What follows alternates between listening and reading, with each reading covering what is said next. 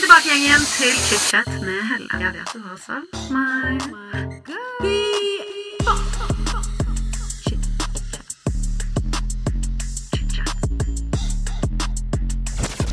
I dag får jeg artist og programleder Atle Pettersen inn i chit-chat-studio. Atle husker du kanskje, sånn som meg, fra 2010, hvor han slo igjennom som ingen andre på X-Faktor. Dette forandret jo hele livet hans, og i dag er han jo også kjent som programleder for Beat for beat. Han har hatt Singing in the Rain på Folketeatret. Eh, han har vunnet Skal vi danse. Altså, hva har denne mannen ikke gjort? I dag forteller han oss om hele livet hans, fra oppveksten i Skien til i dag i Oslo med kone og barn. Atle forteller som sagt om eh, en følelsesladet eh, papparolle. Hvordan det var å bli sjekket opp av selveste Tone Damli back in the days. Og om hvordan han fridde til sin kjære Katrine. Dette er en ærlig episode fra Atle Pettersen som jeg har kost meg med, og jeg vet at du også kommer til å nyte av den. For å være helt ærlig. Skamløs nok. Velkommen til chit-chat. Ok, ok. Atle Pettersen, Ja. velkommen til chit-chat. Takk for det. Du er jo i pappaperm for tiden. Ja, Hvordan har du det? jeg har det veldig fint. Um, er det lov å si at det er litt kjedelig? Ja. Det, Vær så snill og vær litt ærlig. ja, jeg skal være litt ærlig. Nei, eh, altså Jeg vet nesten ikke hvor jeg skal begynne. Fordi jeg har eh, fått et helt nytt lag av følelser etter jeg ble pappa. Det er sånn alt det, Nå er jeg hjemme alene en uke, da, faktisk, for å begynne der. Ha, fantastisk og helt grusomt på samme tid. Jeg har aldri kjent på så mye savn i hele mitt liv som jeg har gjort. Og hun har vært borte i liksom 48 timer, og jeg vet ikke hva jeg skal gjøre av meg. Eh, men pappaperm er veldig fint. Det er veldig, veldig fint å få lov til å bonde skikkelig med min lille datter, samtidig som at vi går hverandre på nervene. eh, Og blir veldig, veldig fort lei av hverandre. Eh, Så sånn sett så er jeg veldig privilegert som har permisjon Jeg har permisjon eh, 80 så jeg jobber lite grann nå. Spiller noen konserter her og der i helgene. Ok, men det er jo sikkert en perfekt kombinasjon, da. Kan jeg se for meg. For meg er det essensielt. Eh, Ja. Jeg tror det hadde vært tungt å skulle gå liksom syv dager i uka hjemme og ha hovedansvar. Det beklager oss. Jeg beklager, men det, det har jeg ikke i meg. Men uh, det er litt sånn jeg er. Jeg tar meg vann over hodet. Uh, all in eller ingenting. Så det er jo Jeg har faktisk skrevet ned en ukesplan. Har du kommet langt på den, føler du? Ja, jeg ligger i rute. Ok, Jeg ja, det er nice. Ja. Så der er en plan på hva jeg skal grille hele uka. Du er så dad. Du vet at du er så pappa nå, når du har en grilleplan for uken. Den uken hvor du ikke har barnet ditt. Jeg Er du syns det er klar over kjempegøy. at jeg dro på butikken i går kveld? På sånn søndagsåpen butikk. Og så kom jeg inn, og så, så, så var det sånn uh, gjenskinn i døra. Og så så jeg meg selv da, og ja, da, da ble jeg sånn Å, fy faen, Pettersen. Det er helt krise. Der går jeg altså i en grå joggedress som er så mye flekker på at det ser ikke ut. Eh, Hvite tennissokker som egentlig ikke er så hvite lenger. Og slippers. På butikken på en søndag. Da tenkte jeg sånn, nå må vi, nå må vi ta oss sammen. Nå opp i ringa. Ja, vi må litt opp i ringa. Vi kan ikke gi opp helt ennå. Altså, har man sju-åtte barn, da er det liksom greit. Men jeg har bare, jeg har bare ett. Mm. Ja. Jeg syns det er veldig Quality sleep is essential. That's why the Sleep Number Smart Bed is designed for your ever evolving sleep needs. Need a bed that's firmer or softer on either side? Helps you sleep at a comfortable temperature? Sleep Number Smart Beds let you individualize your comfort so you sleep better together. JD Power ranks Sleep Number number 1 in customer satisfaction with mattresses purchased in-store. And now, save 50% on the Sleep Number limited edition Smart Bed for a limited time. For JD Power 2023 award information, visit jdpower.com/awards. Only at a Sleep Number store or sleepnumber.com. Hey, it's Ryan Reynolds, and I'm here with Keith, co star of my upcoming film, If, only in theaters, May 17th. Do you want to tell people the big news? All right, I'll do. it. Sign up now and you'll get unlimited for $15 a month in six months of Paramount Plus Essential Plan on us. Mintmobile.com slash switch. Upfront payment of $45 equivalent to $15 per month. Unlimited over 40 gigabytes per month. Face lower speeds. Videos at 480p. Active Mint customers by 531.24 get six months of Paramount Plus Essential Plan. Auto renews after six months. Offer ends May 31st, 2024. Separate Paramount Plus registration required. Terms and conditions apply if rated PG. Life is full of what ifs. Some awesome, like what if AI could fold your laundry? And some, well, less awesome, like what if you have unexpected medical costs? United Healthcare can help get you covered with Health Protector Guard fixed indemnity insurance plans. They supplement your primary plan to help you manage out of pocket costs. No deductibles, no enrollment periods, and especially no more what ifs. Visit uh1.com to find the Health Protector Guard plan for you. Men vi må jo gå tilbake litt også til din barndom. Ja. For vi skal jo snakke i dag om ditt liv, litt Mhm. fra oppvekst til nåtid. ja. Spennende. Du er jo født 5. september 1989. Helt riktig god research. Ja, kjempegod research. Wikipedia. Wow. Mhm.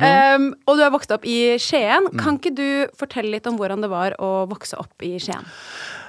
Skien er jo et uh, sinnssykt sted. Uh, nei, Skien er Jeg har uh, Jeg er veldig glad for at jeg har vokst opp et annet sted enn uh, en Oslo og omegn.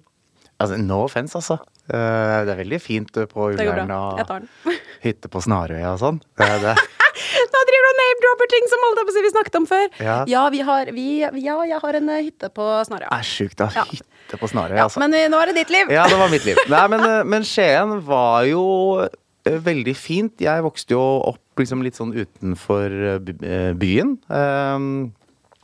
Litt sånn lite lokalmiljø. Eh, spilte fotball hver eneste dag. Eh, vokste opp i en sånn eh, eh, blindevei som endte i en sånn stor rundkjøring. Masse barn der, så vi var liksom alltid ute og lekte. Så jeg har, jeg har bare liksom veldig gode minner fra den oppveksten. Eh, gode minner om eh, mye liksom ja, frihet og sosialt samvær og ja, fine folk, da. Ungdomstida, da kom den eh, Da blei det, litt- ble det litt mer skummelt. For det var, noe, det var litt sånn der, det var noen gjenger og sånn Oi. på andre sida av elva.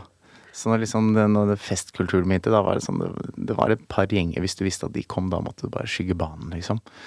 Um, så um, Men hvordan var eh, familiedynamikken, da? Hvis vi skal gå liksom til tidlige år. mhm. Bodde du med både mor og far? Eh, jeg eh, gjorde det i starten, ja. Jeg har også har jeg en storebror. Han er seks år eldre enn meg. Eh, vi krangla alltid. Konstant. Men det Sånn i retrospekt så er det jo litt sånn Jeg kan jo litt forstå det òg. Altså, seks år er Det er jo ganske mye. Når jeg var Ja, da jeg var seks år, var han tolv. Han var ikke så interessert i å henge med lillebror, liksom. Nei, for seks år er akkurat liksom den Altså, det er akkurat litt langt. Jeg er fire år med mellom meg og min søster, nesten fem. Og jeg husker jeg tenkte, tenk, altså det var sånn, det var for langt i mange år, så jeg kan tenke meg at seks, det er sånn Føles ut som en livsalder når man er i den alderen selv. Ja, ja, og vi har jo aldri vært på samme sted i livet før egentlig nå. Nå som begge har barn og familie og alt, alt det der. Eh, Så nå har vi jo et helt annet eh, forhold. Kjempefint, hyggelig og alt det der.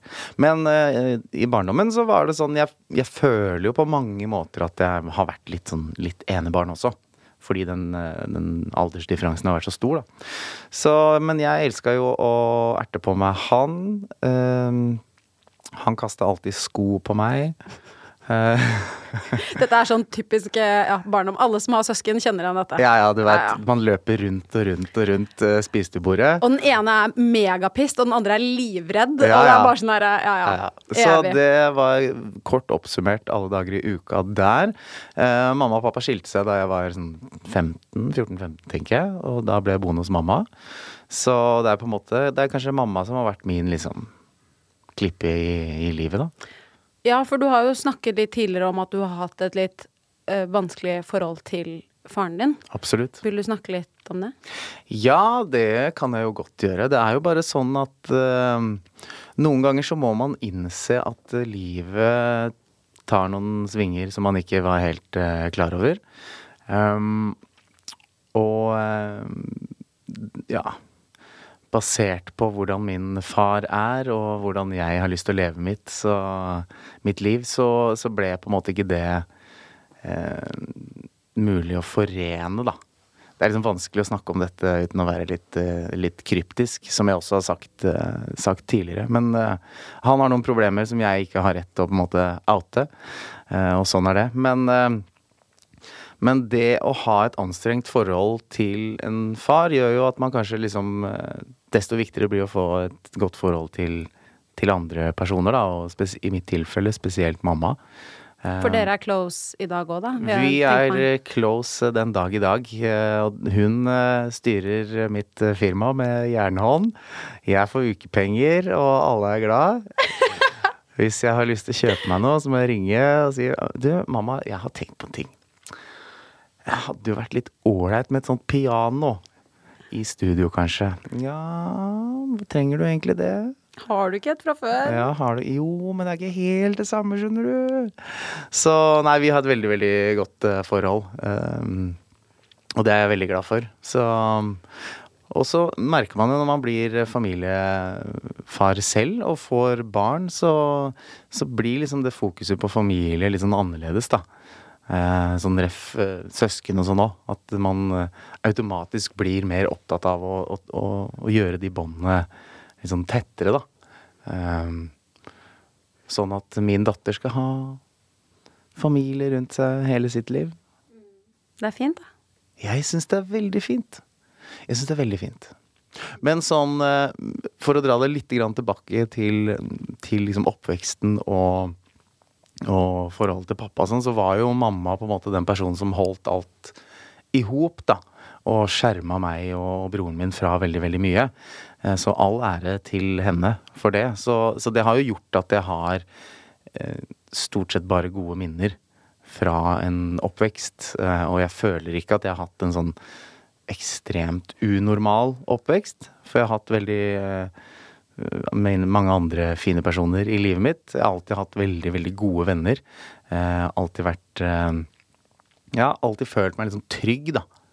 Eh, så eh, Det er jo helt fantastisk da, at du har en mor som har brydd seg så mye og klart å skåne deg. Fordi jeg eh, Min mor har gjort det mot meg også mye.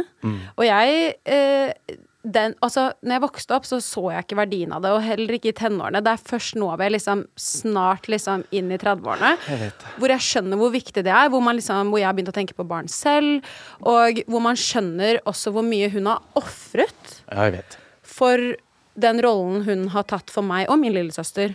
Så nei, jeg skjønner godt hva du mener der, og, og det å ha dedikerte foreldre, det er veldig mange som ikke har det, og det er helt fantastisk, syns jeg. Og, det, og eh, nå, nå eh, tror man kanskje at jeg skal si og det beste med det, men jeg skal si og det verste med det er nå, som jeg har fått en egen datter, at jeg skjønner at det kommer liksom til å ta så mange år før hun kanskje forstår det samme, da.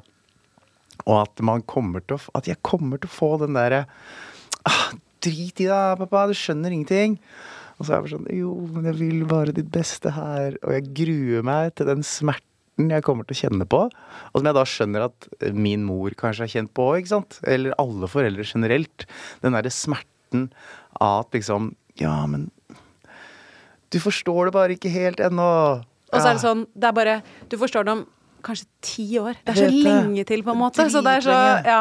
Og i hvert fall du som har den nå som er ti måneder, så for deg er det kanskje liksom 20 år. Jeg vet. Beklager.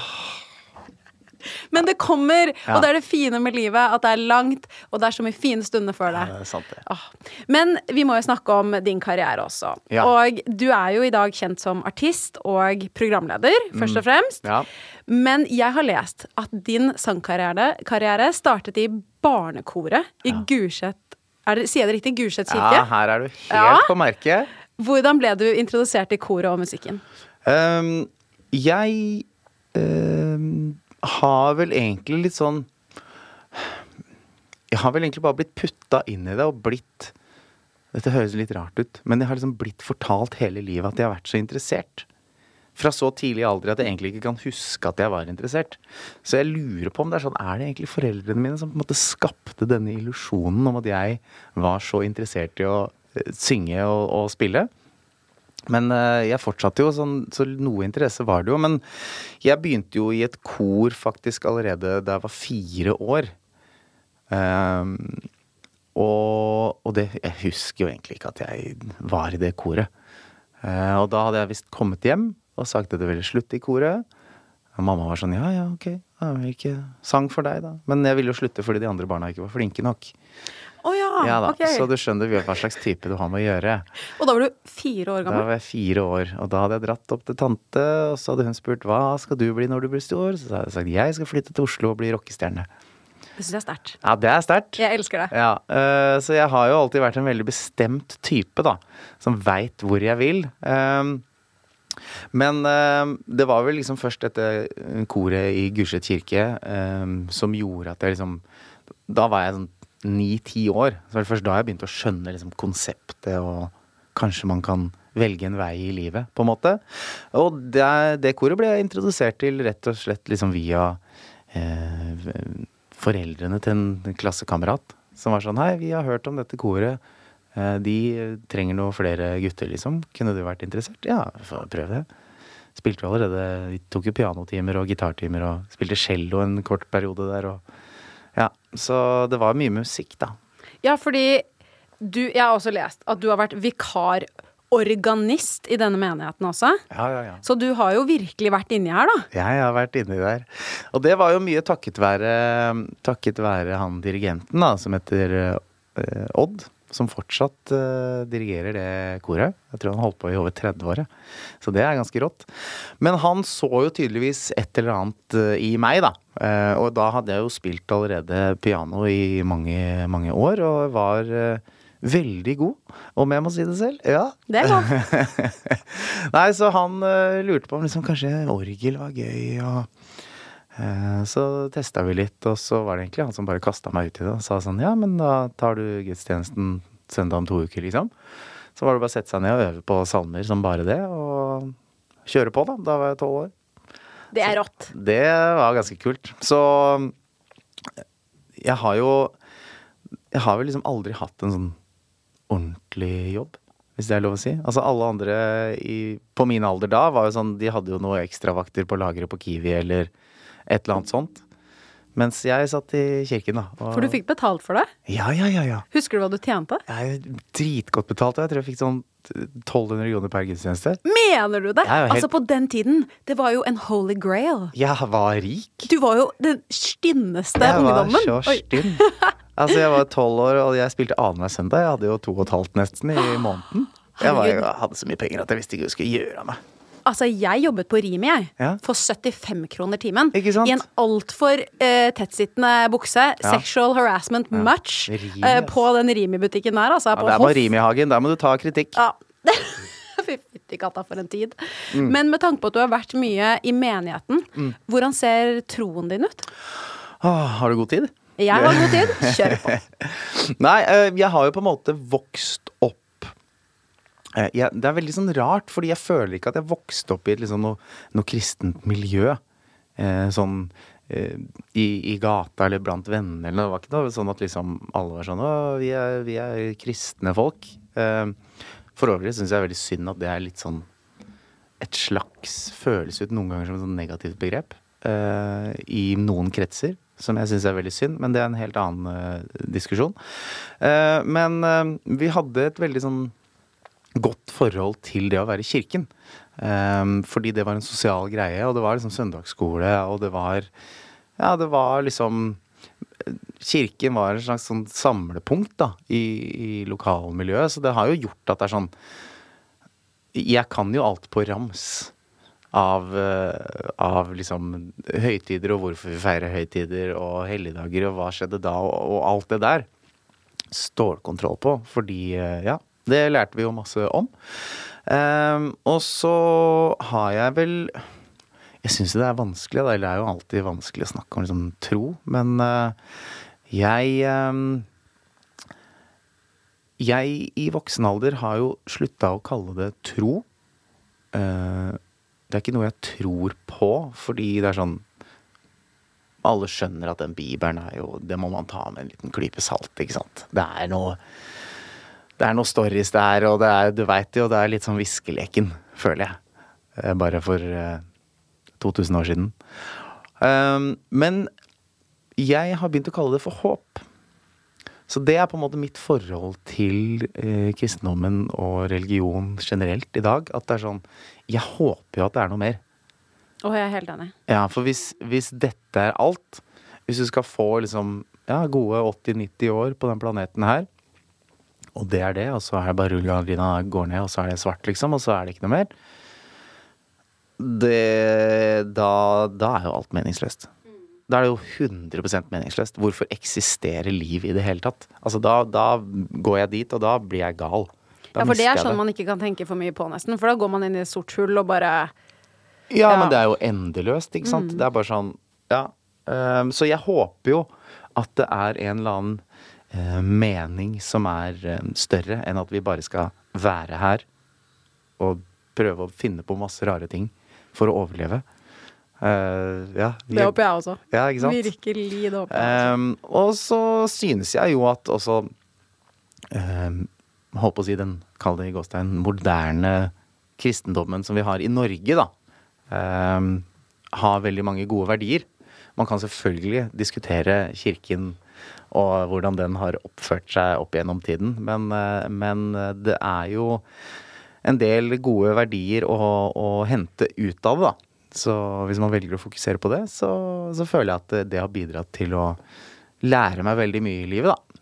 Lære meg om nestekjærlighet og god folkeskikk og Ja, Nei, det er mye bra man kan ta ut av det, absolutt. absolutt. Men eh, med tanke på at du var mye i menigheten, du var jo veldig inne i musikk tidlig. Hvordan var skolegangen? Sånn tenårene skolegang? Jeg har jo, og er, opptatt av å være flink gutt. Veldig opptatt av det. Så jeg var jo eh, Jeg var jo relativt god på skolen. Ja. Jeg var veldig pliktoppfyllende. Samtidig som jeg også hadde litt sånn derre Litt en liten form for utagering. Det tror jeg liksom er umulig å komme seg unna, rett og slett. Jeg tror det er sunt, jeg. Ja. Man må jo løsrive seg litt Ja, fra på en måte det. faste rutiner og det voksenlivet foreldrene har laget for deg. Jeg tror det er sunt det å bare være sånn Å, nå skal jeg liksom finne seg selv, på en Ja, måte. man må liksom eh, Ja, man må eh, bite litt fra seg på, på en eller annen måte. Men det, det gikk liksom aldri utover resultatene på skolen. Fordi at i bunn og grunn så var jeg veldig opptatt av at eh, jeg skulle gjøre alle leksene riktig, og jeg ville gjerne være best i klassen. Og det var et par eh, stykker i klassen som var litt bedre enn meg, og det irriterte meg veldig, veldig mye. Så da måtte jeg liksom jobbe litt på, da. Eh, Spesielt i sånne fag som matte og sånne ting. Um, Så du ville jo være god på skolen i en tid hvor det å være egentlig god på skolen var litt nerd, på en måte. Fordi Ja, nå ja. føler jeg, den generasjonen som går på skolen nå, jeg føler de er veldig sånn det å være best Ja. på skolen, da er du kul. Når jeg gikk på ungdomsskolen, det å være best, Mm. da var du litt nerd. Jeg vet ikke om du kan eh, relatere til det, på en måte? Ja, og, men det som var veldig interessant, det er at det var veldig, det var veldig stor overgang fra, um, fra barneskolen til ungdomsskolen. Eh, fordi på barneskolen så var det på en måte dette lille lokalmiljøet eh, med de Altså, jeg, altså jeg gikk jo i klasse med Altså, alle bodde liksom 500 meter unna hverandre. Altså, det var sånn. Em, og der var det ikke så veldig mye sånn utagering, og det var jo selvfølgelig et par stykker her og der. Men der var det som det å være god var faktisk ganske kult, da. Det å være flink var eh, bra. Um, men så kom vi på ungdomsskolen, og da kom det plutselig et par andre skoler inn. ikke sant? Da blir man miksa opp. Da, da noen eh, Da ble det litt mer ubalanse i systemet. Uh, men, men jeg føler også at selv der så var det sånn, i hvert fall i den klassen jeg gikk i, så var det det å være, det å være god, det å være flink, var, var bra. Enten det var på en måte i fag eller uh, i gym eller hva enn det var, liksom. Så var det sånn det, alle, ville være, alle ville være gode. Så sånn sett så er jeg veldig takknemlig for at jeg har vokst opp i et miljø hvor, hvor det å være flink har vært noe positivt, da. Det er bra. Ja. Jeg er helt enig. Sånn var det ikke helt der hvor jeg gikk på skole. Men eh, så kult at eh, det var sånn for deg. Men altså, når du var 14 år, Ja. så var du jo med i min store barndomsdrøm. Du var Da- med Nå legger jeg meg litt bakpå her i stolen. ja, Melodi Grand Prix Junior Ja. Med selvskreven sang Hekta på brett. Yes. Hekta på brett. Hekta på brett. En, en sang som har blitt uh, mye mer husket i, i ettertid enn den ble da. Ok. uh, jeg tror, Hadde det ikke vært for at eh, jeg fikk den karrieren jeg fikk, så tror jeg ikke så mange hadde snakket om den sangen. Men kan jeg bare si, altså sånn Melodi Grand Prix Junior på den tiden Ja, ja. It was the biggest. Altså, Ja. det var jo sånn, det var jo ikke sosiale medier og sånn, så Nei. vi alle så på TV, gullrekka hver fredag. Jeg føler at Melodi Grand Prix Junior, for meg, i den tiden der, Mm. det var årets happening. ja, ja, det var det største, det. Fikk du litt sånn kjendisstatus på skolen når du kom tilbake fra det? Her kommer bakdelen med Skien. Ok. Ja. Eh, fordi man var opptatt av at man skulle være flink og jobbe på og sånn. Men du må ikke tro at du er noe. Å ja. Ja, så det er ganske høy Det var i hvert fall litt sånn høy eh, jantelov der blant en del. Ikke, igjen, ikke i min nærmeste krets. Fordi der var det bare fine folk, og det var på en måte Alle syntes det var gøy. Um, men da å være 14 år i, i, på et lite sted um, og ha vært med på noe sånt, det var faktisk ikke så veldig kult. Det var eh, Da var det liksom Jeg gikk vel i niende klasse. Og da var det liksom et, noen, det var noen gutter i tiende klasse der som hadde et fryktelig markeringsbehov. Så de ble Eh, sjalu, da. Sikkert. Og det Kort oppsummert så ble de nok eh, det, ja. Eh, Så da var det liksom Jeg ble jo trua med juling hver dag. Og det var jo en ganske lang periode hvor jeg faktisk måtte bli henta på skolen. Fordi det var en liten gjeng som sto og venta, liksom. Eh, Som skulle ta meg. Så, så det var faktisk ikke sånn superkult. Ja, det skjønner jeg Det selvfølgelig. liksom, det er jo eh, helt eh, megatragisk, sånn Ja, ja. egentlig. Ja, ja. Eh, og da er det jo Og så lever vi jo en På den tiden eh, Høres ut som det er 100 år siden, det har det ikke, men eh, Men det var kanskje ikke like mye fokus på på en måte å plukke opp sånne ting, da. Eh, som det er i dag i skolen. Altså jeg føler at det der også, takk og lov, så har man på en måte kommet et steg kanskje videre, uten at jeg vet for mye om det. Men jeg føler i hvert fall at det er mer fokus på å prøve å på en måte plukke opp sånne ting, da. Eh, og plukke opp mobbing og, og alt det der. Det var liksom en litt annen tid på starten av, av 2000-tallet der. Um, så det var um, Det var ikke så fett. Ja, det skjønner jeg. Nei. Men ble det noe bedre senere, da? Fordi i 2006 så vant jo bandet ditt, Above Symmetry, Mm.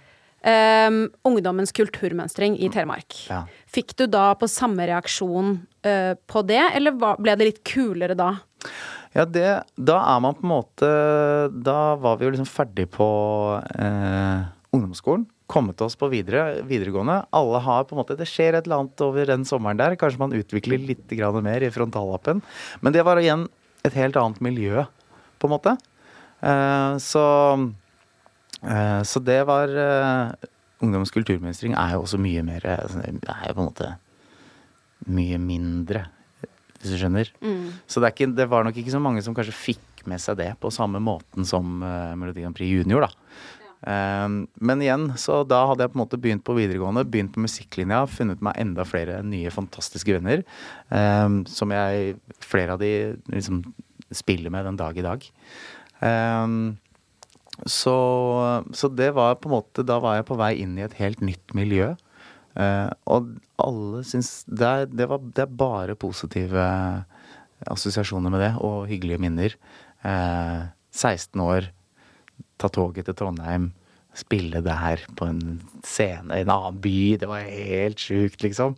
Uh, og ja. Det høres ut som en guttedrøm. Sånn med tanke på at du var så glad i musikk så tidlig. Ok, hør nå. Ja. det, dette tror jeg faktisk ikke jeg har fortalt om før. Men eh, så nå, det, det, da kan du tenke deg, da var jeg 16 år, og så vant vi der, og da vant vi en spillejobb her i Oslo. Da fikk vi spille på Hard Rock Café i Oslo. Og da er vi i eh, 2006, ja. Og så spiller vi der, og da hadde jo Tone Damli vært på Idol året før. Det er, det er ikke sikkert Tone husker dette engang. Dette er så gøy. Og vi spilte, og da ble jeg sjekka opp av Tone. Starstruck. Jeg visste ikke hva jeg skulle gjøre av meg. Altså, jeg jeg visste ikke hvor jeg skulle gjøre av meg. Ja. Var det høydepunkt i livet? Det var uh, et lite høydepunkt i livet på det tidspunktet der. Det skjønner jeg. Yes, Men uh, jeg hadde jo kjæreste, så jeg måtte si, 16 år gammel, til Tone Damli Aaberge, som da var alle gutters drøm på den tiden. Jeg beklager, Tone, men jeg har kjæreste. Oi. Føl, følte, var, du, var, du, var du lei deg, eller følte du at du var litt kul da? Jeg var mest lei meg. Ja, det tenkte jeg meg. oh, men veldig gøy. Veldig gøy. Så men, det var en fin tid, ja. Ja, det skjønner jeg. Men bandet ditt, um, Above Symmetry, var det Mm. ditt første band? Det var mitt Ja. Det var jo mitt første ordentlige band. Men hus, høsten 2010 for deg, Mhm. det var jo da du hadde ditt nasjonale gjennombrudd Ja. i X-Factor. Det var første gang jeg så deg. Mhm. Jeg husker det. Jeg tenkte sånn Å, han var veldig kjekk. Oi, og oi, veldig flink. Oi. Yes. Hvordan forandret dette karrieren din? Eh, det forandra ikke bare karrieren, det forandra livet mitt eh, over natta, basically. Em, og her hadde jeg jo em, allerede et par år eh, han ene fra da gamlebandet eh, og jeg, vi reiste rundt som trubadurer og spilte nesten hver eneste helg. Um, og på en måte levde jo som musiker allerede. Og jeg husker at liksom sånn der eh, Jeg gjorde en del ting, og da den sommeren før det skulle på skjermen, så var det sånn at uh, han ene jeg jobba med, begynte å liksom si på scenen at sånn ok, nå han her dukker opp på X-Faktor til høsten, liksom. Det, det, han er finalist. Bare, «Du For da hadde dere si det». ferdig spilt he alt, Vi hadde spilt inn på en måte alle pre-auditions og alt før sommeren. Så jeg visste jo den sommeren at sånn, jeg skal på livesending til høsten. Og da spilte vi jo masse rundt omkring. Eh, så jeg husker at jeg bare sånn der Shit, er det, er det liksom nå det skal, er det nå det skal skje, liksom? Eh, og så eh, kom første sending. Jeg sang vel Iris med Go Go Dolls. Det gikk eh, kjempebra. Kom videre. Eh, og så tenkte jeg sånn, jeg må jo vise at jeg kan spille piano. Så jeg gjorde en versjon av eh, Dancing on my own, som eh, Marion Ravn hun, hun viste meg Alexander eh, Witt sin versjon, som han pleide å gjøre live. Så gjorde vi den. Det gikk kjempebra. Og så sending tre. Så kommer Marion til meg med en sang som jeg faktisk på en måte sånn ikke hadde noe særlig forhold til, selv om det var en sånn rockelåt. Som var litt rart, for jeg var jo liksom skikkelig på den tiden rockemusiker. Og det var et band som het Kings of Leon med en låt som het Sex on Fire.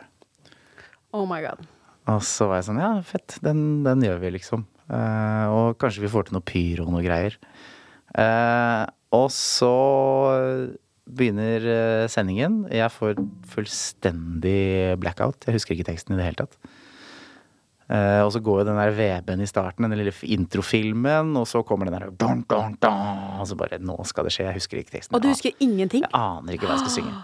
Bandet begynner å spille. Nå vet jeg at jeg har fire takter. Jeg husker fortsatt ikke hva jeg skal synge. Så hvis man går på YouTube og hører, så hører du at første jeg sier er sånn! Og så der kom teksten. Ok, Så det kom til deg som lyn fra klar himmel? Du bare Ja, ja. Og da fikk jeg så overtenning at på et eller annet tidspunkt, dette var jo heller ikke planlagt, så står jeg bare på det dommerbordet. Så du går opp på dommerbordet Ja, ja. og står der og rocker? Og står der og rocker. Eh, Episk. og er ferdig. Og ja, jeg vil si at den, det var den kvelden det eksploderte. Da var jeg på en måte Da hadde jeg satt mitt stempel. Helt fantastisk. Hvordan, altså, når du gikk ut av, av scenen da, da Jeg kan bare se for meg adrenalinet ditt. Jeg var så høyt oppe. Altså, det var Jeg bare skjønte at sånn Dette er mest sannsynlig mitt livs opptreden. Mest sannsynlig så klarer jeg aldri å toppe dette igjen. Har du toppet det, føler du? Eh, nei. Nei, du tror ikke det? Nei, jeg har ikke det. Jeg har, Wow. jeg har ikke hatt eh, Eller ja, jeg har, en, jeg har en til som jeg føler Men den er helt der oppe, den òg. Men det er jo på en måte ikke Eller det er noe annet. Det er året etter. Vi kommer sikkert dit. Jeg tar den nå. Jeg, Ja. Nå ble jeg så utålmodig. nå. Vil jeg høre. Nei, da Det er jo da fra Skal vi danse i 2011. Ja. Selvfølgelig. Eh, hvor vi danser, og det går bra. Det går kjempebra. Og så eh, vi Så kommer min dansepartner Marianne med en eh, idé om at vi skal lage showdans i finalen til Pirates of the Caribbean. Uh, ja, det er jo helt rått, det, liksom. Uh, og vi lager en koreografi, og vi tenker sånn Ja, den er jo den er bra. Eller hun lager en koreografi. Jeg gjør bare, jeg gjør bare som jeg får beskjed om.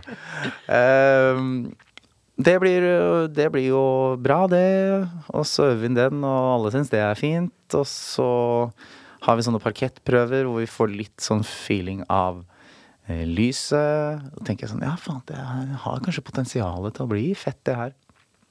Og så gjør vi generalprøven i kostymer, og jeg får, på, får på meg parykk og full Jack Sparrow-outfit, og så tennes det noen fakler, og så skjønner jeg bare at ok, det her kommer til å bli ganske sjukt.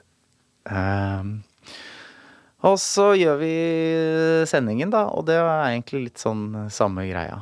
At bare idet vi er ferdig med det, så skjønte vi at bare sånn Ok, her har vi satt et nytt stempel, da, på, på hvordan det skal gjøres. Um, og det er jeg utrolig stolt av, fordi jeg ser i kommentarfeltene den dag i dag, nå er det elleve år siden vi gjorde det, så er det fortsatt den finaledansen som folk snakker om. Så Det er en god følelse. Det Ja. er Hey, Dave. Yeah, Randy. Since we founded Bombus, we've always said our socks, underwear, and t shirts are super soft. Any new ideas? Maybe sublimely soft. Or disgustingly cozy? Wait, what? I got it. Bombus. Absurdly comfortable essentials for yourself And for those facing homelessness. because one purchased equals one donated. Wow, did we just write an ad?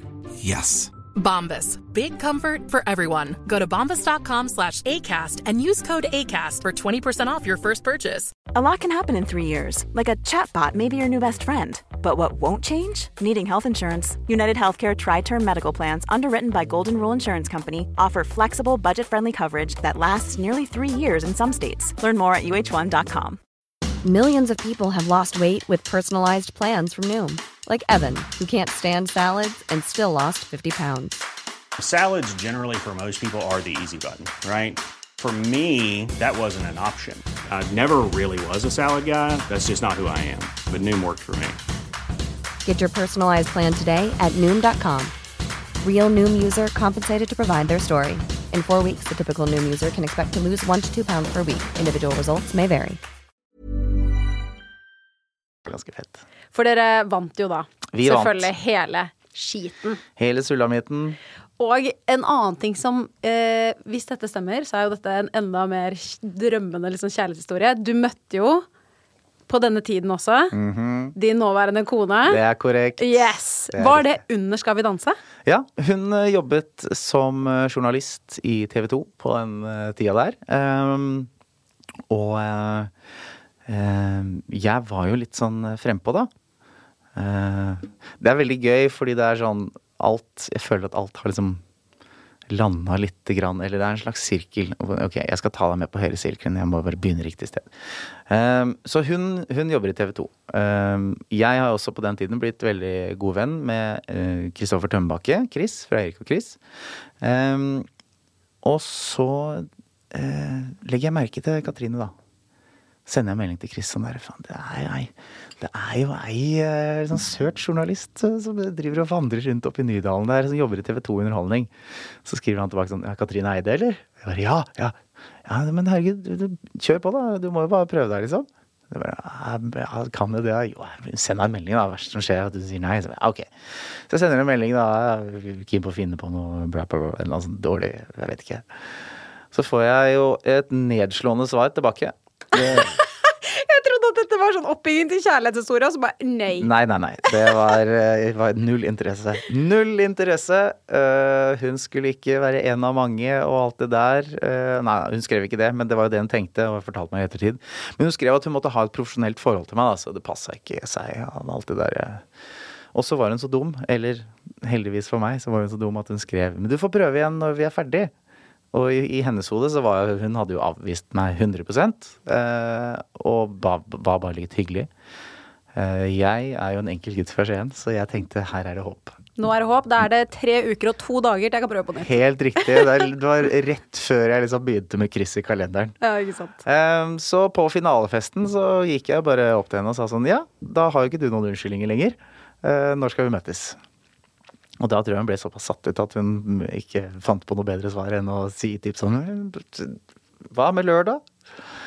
Ehm, så møttes vi ehm, hjemme hos meg, faktisk. I det kollektivet jeg bodde i. Det er jo helt sykt at jeg faktisk tok med Katrine dit. Det er jo helt skandale. Hvor bodde dere? Ja, vi bodde i en sånn eh, skitten, skitten leilighet på Majorstua. Vi Jeg ser for meg dette guttekollektivet. fem gutter i et kollektiv som det egentlig ikke var plass til mer enn tre. Oh my god. Ja, Det, er- du det, unnskyld, jeg sier det. Det er mitt verste mareritt. Ja, men det er helt, helt krise. Han sistemann, femtemann som kom inn, han skulle bare sove, sove på sofaen et par uker til han fant seg et sted, da. For han flytta inn litt etter oss. Så han ble i to år. Ja. Så det var jo Men det var, det var også på en måte Ja. Vi kan gå tilbake til det kollektivet etterpå. Men ehm, eh, Og så har vi vår første date hjemme, eh, og det første hun sier, er Hvorfor er jeg her? Oi, oi, oi, oi, oi. Eh, Altså, jeg visste jo ikke hva jeg skulle si. Altså, jeg babla et eller annet om å bli kjent og hyggelig og bla, bla, bla, bla. bla. Eh, som tydeligvis eh, var usikkert nok og søtt nok til at hun ble værende. For hun hadde jo eh, rigga seg, har jeg hørt i ettertid, med venninner som både skulle ringe og si at det hadde skjedd noe. Du veit alt det der. Fy faen, dere jenter, altså. Altså, vi alle gjør det. Ja, det er ikke, det er ikke snilt. Nei, jeg, jeg må ærlig innrømme, jeg har eh, Bestevenninnen min har diabetes. Jeg har en gang sagt på date at bestevenninnen min har fått diabetesanfall og ligger på Ullevål, så jeg måtte gå. Det er jo en Ja. syk løgn. Jeg, Det er ikke hørte- greit. Nei, det er, det er ikke greit. Nei. Nei. Det må bli nei. Men ja, vi Ja. fortsetter med din historie. Ja da. Nei, øh, så, det, så det er jo her den lykkelige historien begynner, da. Ja. Uh, Så vi fant hverandre og ble kjærester. Um, Og har jo vært sammen i snart øh, elleve år, da. Eh, Og Chris, eh, som ga oss, eller ga meg, det lille pushet, han uh, via oss i bryllupet vårt. Gjorde han det? Ja, ja. Og han er nå også vår nærmeste nabo. Å, så hyggelig. Ja, så det er liksom Sirkelen er sluttet. Å, så koselig. Ja, det er koselig. Men når dere da begynte å date, var det sånn at dere liksom ble stormforelsket med en gang, eller var det en som var mer interessert? Nei, når, eh, når, eh, når hun fikk bestemt seg for at eh, ok, kanskje, kanskje det er noe mer her, så var det Da var det stormforelskelse, altså. Det var det. Åh. Jeg føler at det er sånn Det er det jeg føler at jeg har fått med meg gjennom deres forhold, bare gjennom media, liksom. Mm. For dere virker jo som et par hvor det bare har, har gått litt sånn på skinner. Og det er jo eh, Jeg ser jo fra media, så det er jo bare én side av saken, som Mm. ofte er liksom frontet på én spesiell måte. Men har det vært sånn, eller har dere også hatt utfordringer i forholdet? Eh, Jeg tror ikke det finnes eh, noe par som har vært sammen i over ti år, eh, som ikke har hatt noen utfordringer på veien. Men vi har vært veldig velsigna med at vi én har på en måte veldig likt syn på verden. En veldig liksom lik oppfattelse av hvordan verden rundt oss fungerer. Eh, og, og begge to er ganske trygge, trygge på seg selv, og trygge i seg selv, og trygge i forholdet. Så det er sånn ehm, Jeg føler ikke at vi har hatt noen sånn eh, At det har vært liksom noen, noen veikryss hvor det er sånn nå, nå må vi finne ut om det er oss eller ikke. Ehm, begge to har vært veldig trygge alltid på at det er på en måte oss. Og så alle utfordringer som blir kastet vår vei, de, de må vi finne ut av sammen, da. Um, men det er jo også i hovedsak fordi Katrine er eh, en av de smarteste menneskene jeg kjenner. Eh, Så hun er jo ekstremt god på å eh, finne ut av hva hun føler. Eh, Og så er hun enda bedre på å finne ut av hva jeg føler. Og fortelle meg det. Eh, Så det gjør jo at de samtalene på en måte eh, Ja, vi kommer liksom alltid den veien vi skal, da. Um, og vi har alltid vært veldig enige om hvor vi er i livet, og hvor vi vil. Begge begynte å tenke på barn liksom nøyaktig samme tidspunkt. Oi, da er dere heldige. Ja, ja. Så, så sånn sett så har vi vært veldig heldige. Vi, vi skulle jo egentlig ikke ha barn. Vi syntes jo det, var, det kanskje var digg. Å bare være tviholde på ungdommen og reise rundt og kose oss. Eh, Men så begynte liksom den tanken å, å, å vokse, da, på at barn eh, Ja, kanskje det er noe. Når var det den følelsen kom for dere begge? Den kom vel i covid, ja. Ja. Ja. Da, God covid, baby. Ja, men det er jo det. Du sitter der, eh, hun er på hjemmekontor, jeg har jo mista meg selv og sitter bare og gamer, for jeg har ikke noe jobb. Eh, og så blir det jo litt sånn at man må kanskje fylle livet med noe, noe mening, da. Altså, ok, hva Dette var en situasjon vi ikke ante kunne dukke opp. Så hva Ja. Det får, det får deg til å tenke litt, da. Eh, og det jeg kanskje er mest takknemlig for når vi nå da har fått et barn, er jo at vi er helt enige om hvordan vi skal oppdra dette barnet. Der er dere i hvert fall heldige, for det føler jeg er nummer én ting man kan krangle over. Det er det jeg har sett mine foreldre krangle mest om. Noen krangler om penger, noen krangler om andre ting. Mine foreldre, oppdragelse, Ja. det desidert vanskeligste for de. Der er dere så heldige. Jeg er så glad. Jeg er så glad for det. Ja, det skjønner jeg. Uh, og én ting er liksom oppdragelse og liksom hvilke verdier og alt det, men også sånn derre uh, Hvordan man skal få inn søvnrutiner. Hvor mye man skal Ja, jeg kan vel si Det er sikkert ikke, ikke klag til meg, klag til noen andre, men hvordan man kan la faktisk barnet gråte lite grann. De må ikke plukkes opp. Sekundet de lager en lyd, alle de greiene der, da, uh, har vi alltid vært veldig enige om. Eh, Så det er sjukt digg, fordi hvis det hadde vært sånn at jeg mener at liksom, ja, men du må jo la den kiden i hvert fall på en måte prøve å sovne alene i fem minutter, og hun hadde vært sånn nei, nei, nei, jeg skal ikke lage en lyd, liksom, jeg skal vugge den i søvn konstant. Så tror jeg det hadde blitt eh, en eh, fin kilde til irritasjon. Ja, fordi det er den derre underliggende liksom sånn at man blir litt sånn irritert, og så blir man litt muggen, Mm. og så kan det reflektere i at man starter en annen argumentasjon senere. Så det er litt sånn Jeg føler at det lett blir sånn balle på seg. Ja, og alt, alt det bunner jo rett og slett i sånn Og det er jo Dette er mine visdomsord. Visdomsord, heter det. Eh, alt dette bunner jo i at vi har lyst til å mestre. Ikke sant? Vi har lyst til å mestre og være gode foreldre. Eh, det er kanskje det viktigste for alle mennesker. Eh, og idet en annen person kommer og forteller deg at du kan ikke gjøre sånn, da føler du at eh, du ikke får det til, og at du gjør noe feil, og så blir du sur og sint og lei deg og irritert. Og så blir du nødvendigvis ikke irritert for Du blir jo nødvendigvis ikke irritert på den andre personen fordi at, den, at de har en, en annen oppfattelse av hvordan man burde gjøre ting, men du blir, du blir på en måte lei deg fordi at du føler at du ikke får til det å være foreldre, da. Mm. Var ikke det som hardt sagt? Jo, det var veldig Det var, hørtes ut som du har gått i terapi. Ja, det, akkurat det har jeg ikke gått i terapi for det, men det har jeg tenkt frem til selv. Nei, men det var bra. Det var bra.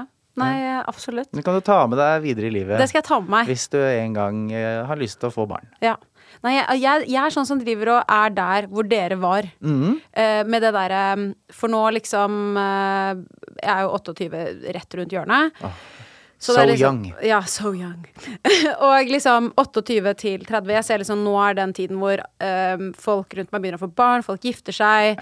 Um, og så er liksom partneren min og jeg, vi vet ikke om vi vil ha barn i utgangspunktet. Uh, jeg tidligere i livet har hatt veldig lyst på det i perioder, og andre perioder hvor jeg er sånn, jeg skal ikke ha barn. Mm. Og det går så opp og ned. Jeg Jeg syns det liksom er så eh, jeg syns det er slitsomt. Jeg skulle ønske at jeg hadde en partner som din som kunne fortelle meg hva jeg følte. Ja, ja. Men vi også har jo hatt det akkurat sånn. Ja. Vi, Det har gått opp og ned. Vi skal ikke ha barn. Kanskje vi skal ha barn. Uh, jeg vet ikke. Uh, det jeg gjorde da for å finne ut av det, det er, Jeg må jo ha en diagnose, da. Men jeg dro fire dager til Rondane i fjellet alene for å tenke.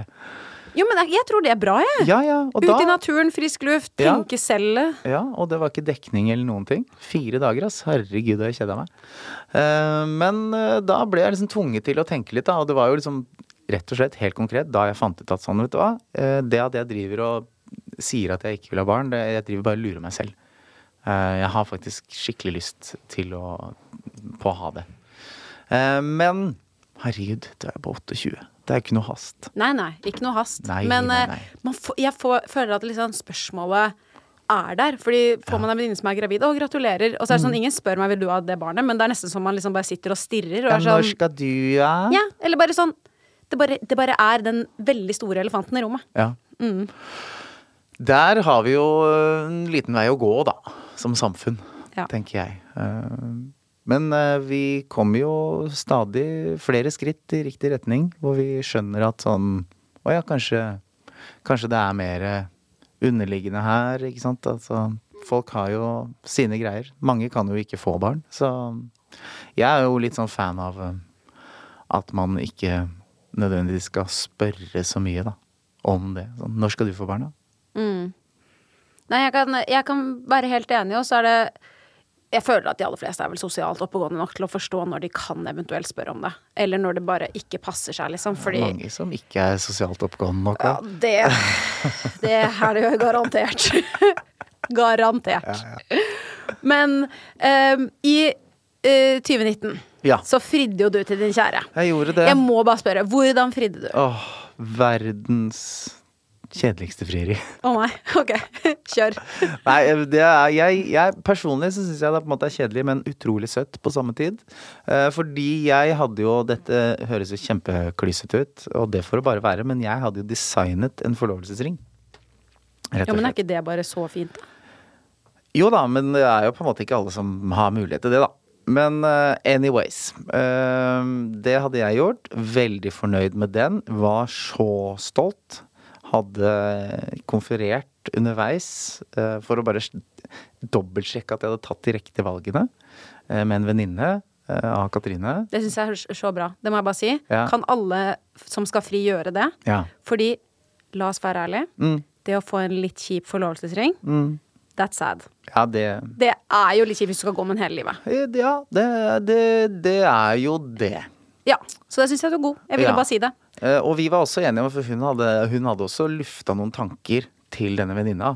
Men venninna og jeg var enige om at det ikke var gode valg. Å ja, så dere valgte da Litt Vi tok et par valg som vi mente var bedre. Og i ettertid så har jo Katrine vært helt enig i det. Ok. Ja. Så sånn sett så, så føler jeg at hele prosessen der, den gikk som smurt. Og så Dette var jo nærma seg jul 2019 Nei, 2018. 2019. Da Sto det på internett. jeg. Da gifta vi oss. Nyttårsaften 2018 inn i 2019. Hva står det inni Nå, her? nå leser du inni gifteringen din. Dette elsker jeg. Ja. Dette elsker jeg. Det står 19. Så Ja. det betyr at vi giftes oss i 19. Men da giftet dere dere 31. mai 2019. Ja. Og så fridde du på nyttårsaften 20, øh, Da blir det 2017 inn i 2018, da. Det er det det blir. Og alle tror det var eh, nyttårsaften, for det er det som står på internett. Oh. Men det er ikke riktig. Vi la det ut på eh, første nyttårsdag, tror jeg. Ja. For vi ville ha det litt for oss selv. Så det som skjedde, var at det nærma seg jul. Eh, vi skulle til Skien og feire jul. Eh, planen var å dra dit sånn 22. desember, tror jeg. Ja, 22. desember. Men da skulle vi bare innom et, uh, spise middag hos søsteren hennes, for der var også faren hennes. Og så hadde jo jeg fått denne ringen. Jeg henta den 21. Og så hadde jeg da tenkt at sånn, ja, lille julaften er kanskje en fin dag, liksom. Jeg ville ikke gå for liksom på julaften eller på nyttårsaften. Det, det ble for mye for meg. Eh, Det ble, det ble akkurat litt for klisjé. Så da tenkte jeg sånn lille julaften, det er, det er en sånn hyggelig dag. Hvor det egentlig man bare venter, og det skjer ikke noe spesielt. Så tenkte jeg sånn, kanskje vi kan gå en tur i Skien, og så kan jeg ta henne en litt sånn down memory lane, eller ja, du veit, noe utsiktspost eller et eller annet. Hadde en liten plan om det. Egentlig hadde jeg en plan om Hawaii. Eh, Men vi, vi fikk liksom aldri dratt dit. Så Eller vi fikk aldri bestilt den turen. Eh, anyways, eh, og så henter jeg denne ringen 21., og den Altså, den brenner i lomma. Den Ja. brenner så hardt, den. Og den brenner. Jeg for det første er jeg så fornøyd med den ringen. eh, og jeg blir så hypa, og jeg gleder meg så sjukt. Um, og så skal vi dra 22. Jeg bærer ned liksom alt pikkpakk i bilen, i garasjen, og så kjenner jeg bare at nei, det er nå. Det er faktisk nå. Jeg skal ikke vente til i morgen. Jeg skal ikke gå på noe tur og bare sånn Det det er nå.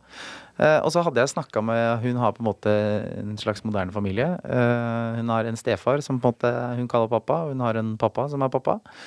Så eh, stefar-pappa hadde jeg jo ringt og snakket med. Fått godkjennelse. Hadde ikke fått tak i pappa-pappa, så jeg står nede i garasjen og prøver å ringe han. For å på en måte, i hvert fall, ja, sånn, ja.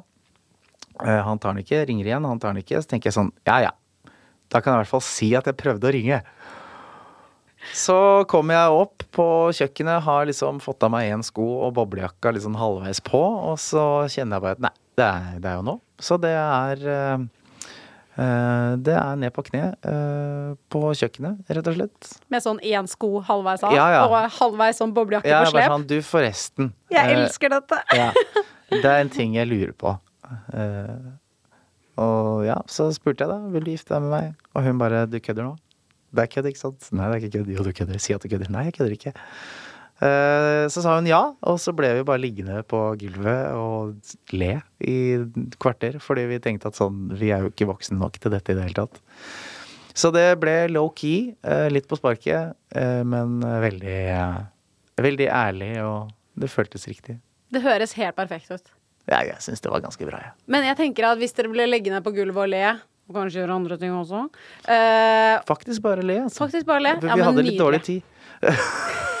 vi skulle jo i For middag. dere skulle jo av gårde. Ja, ja. Hvor- Altså, sånn, sa dere da til alle på middagen? Dere var i ekstase da, ikke ja. sant? Og der, det som var gøy, der, der var jo pappaen hennes. Oh, ja. Og da kunne jeg si 'jeg prøvde å ringe'. Ja. Nice. ja. Helt perfekt. Mhm. Helt perfekt. Men uh, i 2018 også, så gikk du også enda mer inn i musikk, hvor du og Stian Blipp mm. satte opp 'Singing in the Rain' på Folketeatret. Det var også 2016. Var det også 2016? Ja, ja. Altså, jeg føler at du har så mange baller i luften. Jeg har for mange. Jeg elsker dette, da. Altså, livet ditt er jo bare sånn Jeg føler det er sånn ecstasy trip sånn hele livet. Du gjør så mye. Jeg syns det er helt Jeg nydelig. gjør, jeg gjør altfor mye. Men eh, Så da ble du programleder for Beat for beat, mm. og du satte opp eh, din første musikal. Ja. Hvordan var det å komme inn i musikalverden? Eh, Det var jo også en helt eh, ny opplevelse. Eh, som jeg Altså, jeg er jo en person, da. Det begynner jo kanskje å danne seg noen konturer. At jeg liker en utfordring eller to. Jeg liker å prøve nye ting. Jeg liker å lære. Og jeg liker å gå all in hvis jeg skal gjøre noe. Eh, Så vi, vi fikk jo denne forespørselen da, fra eh, produksjonsselskap som heter eh, Scenekvelder, som eh, holder på på Folketeatret. Om vi hadde lyst til å gjøre denne musikalen, og jeg tenkte jo instinktivt at sånn, det må jeg jo Det må jeg jo prøve. Eh, og jeg hadde jo også hatt denne tanken litt i bakhodet fra da jeg var med på Stjernekamp i 2013. For da var det en musikalsending. Jeg tenkte sånn, faen, det hadde jo vært gøy å gjøre en gang. Så jeg var helt med på det, og det innebar jo også at vi måtte lære oss å steppe. Så vi eh, brukte jo ni måneder på å lære oss å steppe og øve inn det vi skulle øve inn. Er det så vanskelig som det ser ut? Eh, Det er dritvanskelig. Ja. Etter ni måneder så var jeg fortsatt ganske dårlig. Ja, jeg var så dårlig at det, var en annen som måtte spille inn steppingen. Oi, OK. Mm, så vi måtte Vi gjorde på en måte mova, movesene, eh, men det var nok ikke lyden vår du hørte. Men sånn er det. Litt, sånn er det. litt scenetriks og filmtriks, det må til. Ja, det har jo også det, det skal også sies at det er sånn rent teknisk, så i en så stor sal som Folketeatret, så er det nesten umulig å få frem den lyden, da. Så det må spilles inn, enten du kan det eller ikke. Men eh, det var en helt eh, fantastisk opplevelse. Um, og også mitt liksom første møte med et sånn skikkelig kollegialt eh, samvær, liksom. Eh, fordi jeg er så vant til da å liksom være soloartist og kjøre mitt eget show. Ja, jeg har liksom spilt i band, men det var på en måte kompisgjengen, så det var litt sånn annerledes. Her var det på en måte plutselig sånn, var jeg en del av en svær gjeng. Og det var vinlotteri, og det var det og det var liksom, jeg følte at sånn, nå er jeg på jobb, da. Um, så det var en eh, helt fantastisk periode. Vi spilte vel ja, 80-90 forestillinger, tror jeg, med det. Så det var helt, um, helt nydelig. Tror vi solgte nesten 100 000 billetter. jeg. Åh, for en følelse. Ja, det var helt rått. Det har vært helt rått. Men er det noe sånn karrieremessig som du ikke har oppnådd, som du har som mål, eller noe du har lyst til å få til? Masse. Eh, men jeg føler at sånn det eneste som som jeg virkelig liksom mangler i på bucketlisten min, som er sånn Hvis jeg får til det, da kan jeg Da kan jeg liksom gi meg. Jeg kommer aldri til å gi meg, men jeg, jeg, jeg mangler en skikkelig eh, hitlåt. Ja, så Ja. det er Det hadde vært gøy. Mener du da verdensbasis, liksom? Ja, altså, jeg, har jo, jeg har jo skrevet en eh, hitlåt. Oi, hvilken da? På, på verdensbasis. Uh, Alan Walker, 'Dark Side'. Har du? Ja. Det visste jeg ikke! Nei, der kan du se. Så jeg har eh, det Ikke bare meg, da. Jeg har skrevet den sammen med noen andre. Men, men jeg skal være så uh, lite jordnær og si at det, det, det refrenget var, var en, en av mine ideer. Helt rått. Altså, det er jo en helt superhit. Ja, det er en superhit. Den har snart 500 millioner streams på Spotify. Så jeg har det i meg, men eh, jeg har ikke en hitlåt som det står mitt navn på, sånn som artist. Men det kommer. Det kommer. Man må jo ikke gi seg, ikke sant? Det, Og så tenker jeg livet er langt, som sagt. Det skal være høydepunkter hele veien. Det skal det. Og det kommer til å komme en hitlåt. Ja, det må jo bare fortsette å prøve. Det er veldig bra. Vi må jo snakke litt mer om datteren din Ja. nå mot slutten. Mm. Fordi i 2021 Mm. så ble jo du pappa, ja. og din kone ble mamma Det for første gang. Riktig. Altså, jeg må bare spørre da. Du har snakket litt om det om å bli pappa og følelsen rundt det, men fødsel. Mm. Ja. For deg som mann. Hvordan var det å være med på fødsel? Ehm, det er jo et sammensurium av følelser. Ehm, men det gikk jo veldig fort for eh, vår del. Eh, jeg var på trening. Ehm, på Ja, jeg Av ting å drive med. Jeg driver en sånn eh, behandlings- og treningsklinikk også. Holder jeg også på med. Oh ja, så Ja. ok. På fritiden.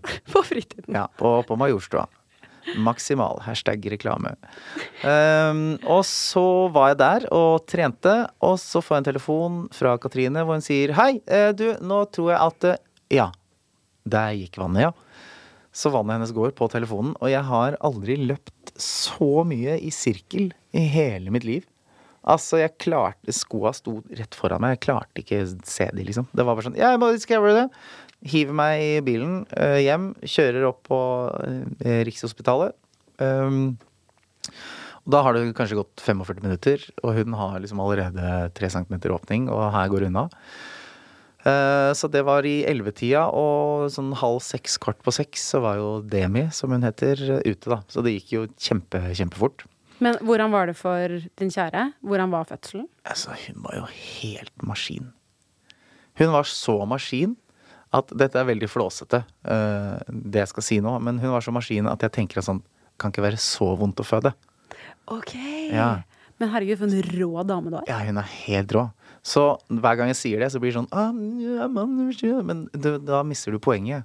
Poenget er at hun var så rå at jeg tenker at det virka ikke så vondt. Men herregud, for et kompliment, egentlig. Ikke sant? Det er det som er poenget. Jeg skjønner at det kan, eh, for de som er født, oppfattes litt annerledes, Ja. men det er ment som det kuleste komplimentet ever, fordi kona di var en champ uten like. Virkelig. Ja. Um, så jeg var jo uh, jeg var, Hvis jeg skal oppsummere liksom hele den dagen i et ord, så tror jeg liksom at jeg var, så, jeg var imponert. Ja. Jeg var sånn derre uh, Og så er det jo man, Det er liksom vanskelig å egentlig liksom kjenne på følelsene når man står i det, fordi at det skjer så mye, og uh, jeg er bare sånn derre Skal du ha noe å drikke? Skal, hva, kan jeg gjøre? Det ene og det andre. Um, Uh, og så er det jo, det skal jeg også si, det ble jo litt grann eh, dramatikk, fordi DMI kom ut, alt var uh, kjempebra. Klipp til navlestrengen, vi gråt sammen, eller jeg gråt, Katrine lo. Det er det hun gjør, liksom. Ok. Eh, eh, og så skulle denne morkaka ut, eh, og da ble det litt komplikasjoner. Eh, ble noen blødninger som de ikke fikk kontroll på. Eh, såpass mye at eh, liksom, det ble trykka på den røde knappen. Eh, og det er jo i utgangspunktet en veldig dramatisk situasjon. eh, hvor veldig mange eh, kanskje tenker at det er liksom Ja, at det er skummelt, da. Fordi det er ikke så fett når uh, kona di mister halvannen liter blod, liksom. Uh, men der er jeg litt rar, kanskje. Uh, fordi jeg ble ekstremt imponert over hvordan de håndterte det, da. Altså, det, det, knappen, den røde knappen ble trykka på, da gikk det tre sekunder, så var det på en måte sånn elleve personer inne på det rommet, og der hvor mange tenker sånn Det var helt kaos. Så var det eneste jeg så, var liksom system. Alle visste nøyaktig hva de skulle gjøre, og jeg skjønte på en måte med en gang at sånn OK, hun er i de tryggeste hender. Dette har de gjort tusen ganger før. Dette kommer til å gå kjempebra. Så det er ikke noe vits at jeg nå skal drive og hause meg opp og holde på. Så da fokuserte jeg heller på at jeg fikk tre timer alene med Demi på brystet. Eh, og det var eh, Ja. Det er kanskje de fineste tre timene i mitt liv så langt, i hvert fall. Men så fint at du klarte å være rolig på en måte i situasjonen. Visste du at det ikke var farlig for Katrine, eller var det Det, det var jo farlig. Ja, for det høres jo kjempefarlig ut. Det er kjempefarlig. Ja. Hadde de ikke klart å stoppe de blødningene, så hadde det ikke gått bra. Um, Men for et helsevesen. For et maskineri. det er helt rått. Ja. Det er helt rått. Um, så det gjorde meg jo veldig trygg. At jeg klarte på en måte å observere alt som skjedde. Eh, og alle de menneskene i det rommet hadde nøyaktig spesifikke oppgaver, og alle visste nøyaktig hva de skulle gjøre. Um, men så er det også det som er så fint med en sånn fødsel, er at sånn alt annet bryr deg ikke om noen ting. Det eneste du bryr deg om, er på en måte eh, den lille babyen eh, og livet til den. Eh, Så det er sånn, jeg hadde ligget der et par timer, og så ble jeg liksom driti i stykker av den babyen. Okay. For det er jo det som skjer, ikke sant. Altså, alt det som de har inni tarmene fra de har vært inni magen, det skal jo ut. Så etter partiet så ser jeg bare sånn Å, jeg, jeg er full av drit. Eller bek, da, som det heter. Bek. Ja, barnebek. Det er rett og slett uh, bare en sort smørje. Dette har jeg aldri hørt om. Nei, jeg hadde ikke hørt om Nei. det heller. Men det er på en måte Den første bæsjen. Den første bæsjen. Etten, etter den kommer ut av moren. For det sier jo seg selv, den har jo ikke fått vanlig mat. Så, den, Nei, så det er jo noe helt annet, Det ja. er noe helt annet. Eh, dette Ser er ut kanskje som tjære. Ok, fordi Kan jeg bare spørre da? Ja. Er det da Ok, kanskje et rart spørsmål. Med tanke på at babyen er inne i magen i ni måneder, og det er jo på slutten av den perioden, så er den jo full baby, på en måte. Ja. Bæsjer den da inni moren sin? Eller er det bare inni kroppen til babyen til den kommer ut? Skjønner du hva jeg mener? Jeg vet ikke. Jeg vet ikke, jeg heller. Det var et veldig godt spørsmål. Med tanke på at den bæsjet på deg, liksom. Men jeg tror ikke den gjør det. Nei. Så det er bare et par måneder gammel næring som har blitt tatt opp, som kommer ut? Jeg vet ikke. Hmm. ok. Hvis noen hører på dette, så send meg melding. Ja. Fortell meg hvordan dette er. Kan noen svare oss på det, eller send oss link til en podkast som de snakker om dette? Altså, hvis, når, jeg får svar, når jeg får svar, så sender jeg det til deg. Ja, faktisk. For For, det, må det må vi finne ut av. Ja. Men anyways, eh, så er jeg da full av sånn bek, eh, og jeg har ikke med meg noe klær. Og det må jeg si til alle som skal bli foreldre. Ja, dere er veldig gode å pakke fødebag til mor. Fatter'n, pakk litt du også. Ja. Ta med deg en T-skjorte og en bukse, liksom. Ja, bare noe. Mm. Jeg hadde ingenting med meg. Det eneste jeg da hadde tilgjengelig som ikke var fullt av bek, var jo Katrine sin joggebukse.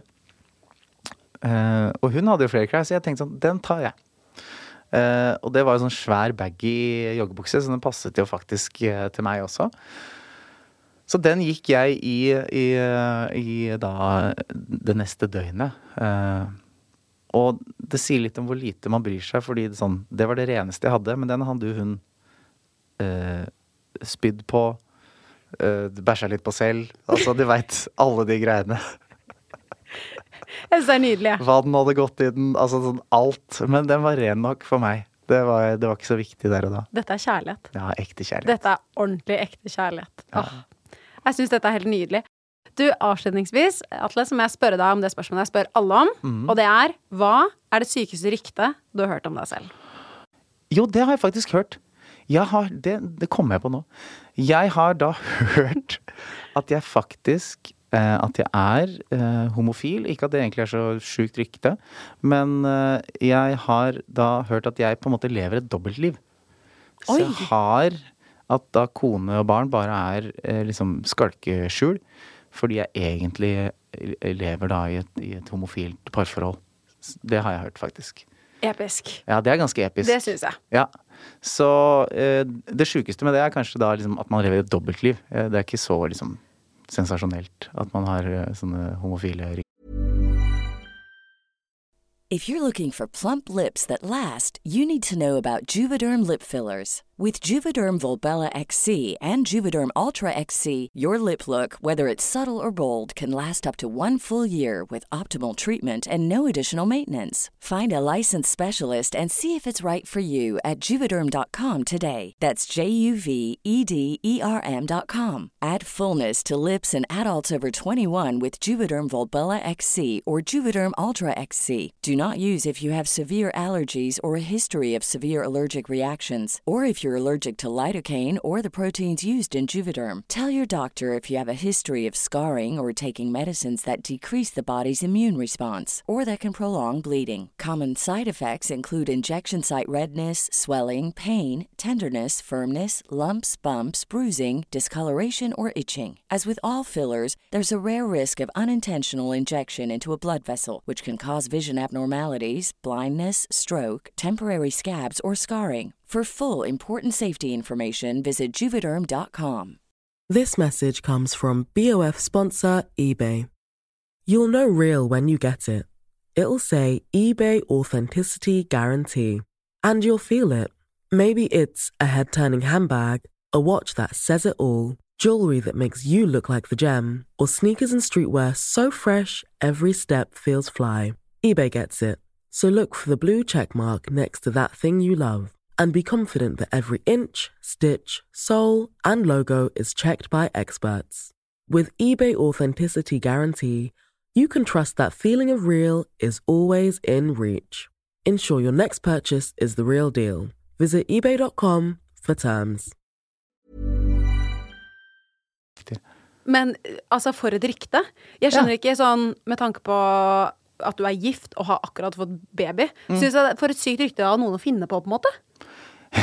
Ja, men folk er sjuke. Folk er syke. Folk er sjuke. Sånn er det. Sånn er det. Men det du- er en ja. del av moroa, tenker jeg. Um, og så er det jo noe med at, ja Man lever jo av Man lever jo litt av at folk skal snakke om en òg. Mm. Så Jeg liker litt at du sier det, fordi det er jo um, av, Jeg har faktisk snakket med Sofie Lise om dette. Mm. Og hun er jo litt den der med at når man er kjent, så må man holde seg aktuell. Ja. Og hun sier at det, ok, det er mye sårende som blir sagt, og kanskje hun får veldig mye forskjellig. Ja. Men hun sier det holder meg aktuell, og det gjør at jeg tjener penger, og det Ja. gjør at jeg har en business som er kjempebra. Virkelig. Så jeg er helt enig i det du sier der, at det gjør jo at man, når man er programleder, når man liksom er i sosiale medier og sånn, at man Ja, man vet jo selv hva som er sant, og jeg tenker at så lenge man er sterk i seg selv, og de rundt seg vet hva som faktisk er greia, det er jo det. så er det jo egentlig all Per er god Per på en måte i den situasjonen. Ja, ja, på en måte. Og, Mm. og så er det jo også sånn at sånn, jo eldre man blir, jo mindre gidder man også bry seg. Eh, så hvis det bare Hvis det er med å holde opp en eller annen boost, så be my guest, liksom. Eh, helt topp. Helt topp. Ja. Du, dette var en nydelig avslutning. Jeg må si at jeg har lært så mye om deg i dag. Og jeg elsket å høre om hvordan du møtte din kjære, og Mhm. selvfølgelig alt om din datter, og også X-Faktor. I love it. Ja, det er deilig å høre. Jeg må også si den toneepisoden var amazing. Ja, det var en liten exclusive du fikk der. Åh, elsker det. Tusen takk for at du kom i chit-chat, Atle. Takk for meg.